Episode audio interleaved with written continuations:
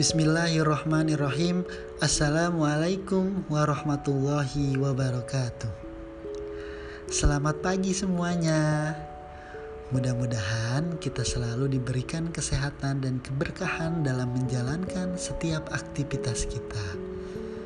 Pada hari ini Alhamdulillah kita bisa berjumpa untuk pertama kalinya di kelas dan dengan cara yang berbeda Walaupun demikian, kita wajib mensyukuri hal tersebut karena di luar sana banyak orang yang justru menginginkan keadaan seperti kita ini.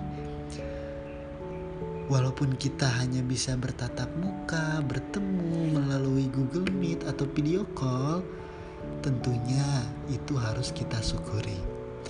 Bersyukur itu penting sekali karena dengan bersyukur kita berarti berterima kasih terhadap apa yang telah Allah berikan kepada kita. Apa saja sih yang sudah diberikan? Banyak sekali. Kita tidak akan sanggup menghitungnya satu persatu. Contoh, kita diberikan hidung sehingga bisa menghirup udara yang begitu segar. Kita diberi mata sehingga bisa melihat keindahan seluruh alam semesta ini kita diberikan telinga sehingga kita bisa mendengar dengan baik dan masih banyak sekali yang telah Allah berikan kepada kita. Itu semua wajib kita syukuri. Lalu bagaimana cara mensyukurinya? Banyak sekali cara kita bisa mensyukuri atas nikmat yang telah Allah berikan kepada kita. Contoh kecilnya kalau kalian lihat film, lihat lingkungan, itu terkadang ada yang ada yang kekurangan, kekurangan dari segi fisik, kekurangan dari segi ekonomi, tapi mereka tetap semangat dalam belajar, tetap ceria.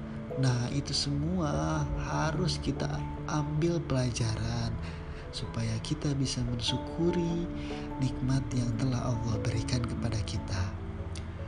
Lalu bagaimana sih cara lain supaya kita bisa bersyukur? Cara lain agar kita bisa bersyukur adalah menggunakan setiap apa yang sudah Allah berikan kepada kita hanya untuk kebaikan. Kita punya tangan, kaki, mata, bahkan mungkin punya uang jajan yang lebih boleh kita gunakan untuk kebaikan. Loh, kok uang jajan bisa dipakai kebaikan sih? Bisa dong. Nah, kan sebentar lagi hari raya Idul Adha. Hari raya Idul, Adha itu disebut juga hari raya untuk fakir miskin. Kenapa begitu? Karena kita sebagai orang yang mempunyai kecukupan dalam ekonomi itu harus berbagi. Salah satunya dengan berkurban. Kita kan bisa menyisikan sedikit uang jajan kita untuk bersedekah membeli hewan kurban. Nanti daging dari hewan kurban itu akan dibagikan kepada sesama kepada orang yang di sekitar kita, kepada tetangga kita, kepada orang yang membutuhkan. Kalau demikian, berarti kita sudah berbuat baik. Itu merupakan salah satu cara supaya kita bersyukur. Selanjutnya, bagaimana sih awal mulanya ibadah kurban itu? Ibadah kurban itu awal mulanya ketika kisah Nabi Ibrahim dan Ismail. Sewaktu itu ada perintah dari Allah supaya Nabi Ibrahim menyembelih Nabi Ismail. Maka dengan hati yang ikhlas, Nabi Ismail rela disembelih oleh Nabi Ibrahim. Ketika akan dilakukan penyembelihan itu, Akhirnya Allah berkehendak, Allah berkuasa. Nabi Ismail itu ditukar dengan seekor domba yang sangat besar. Dan dari sanalah awal mulanya ibadah kurban dianjurkan kepada kita.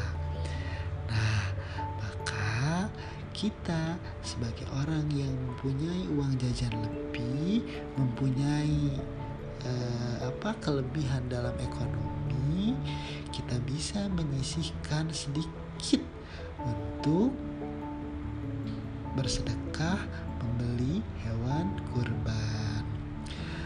Yuk kita sama-sama berusaha berbuat baik dengan bisa berbagi kepada sesama. Baiklah anak-anak, setelah ini kita lanjut ke Google Meet ya. Terima kasih. Wassalamualaikum warahmatullahi wabarakatuh.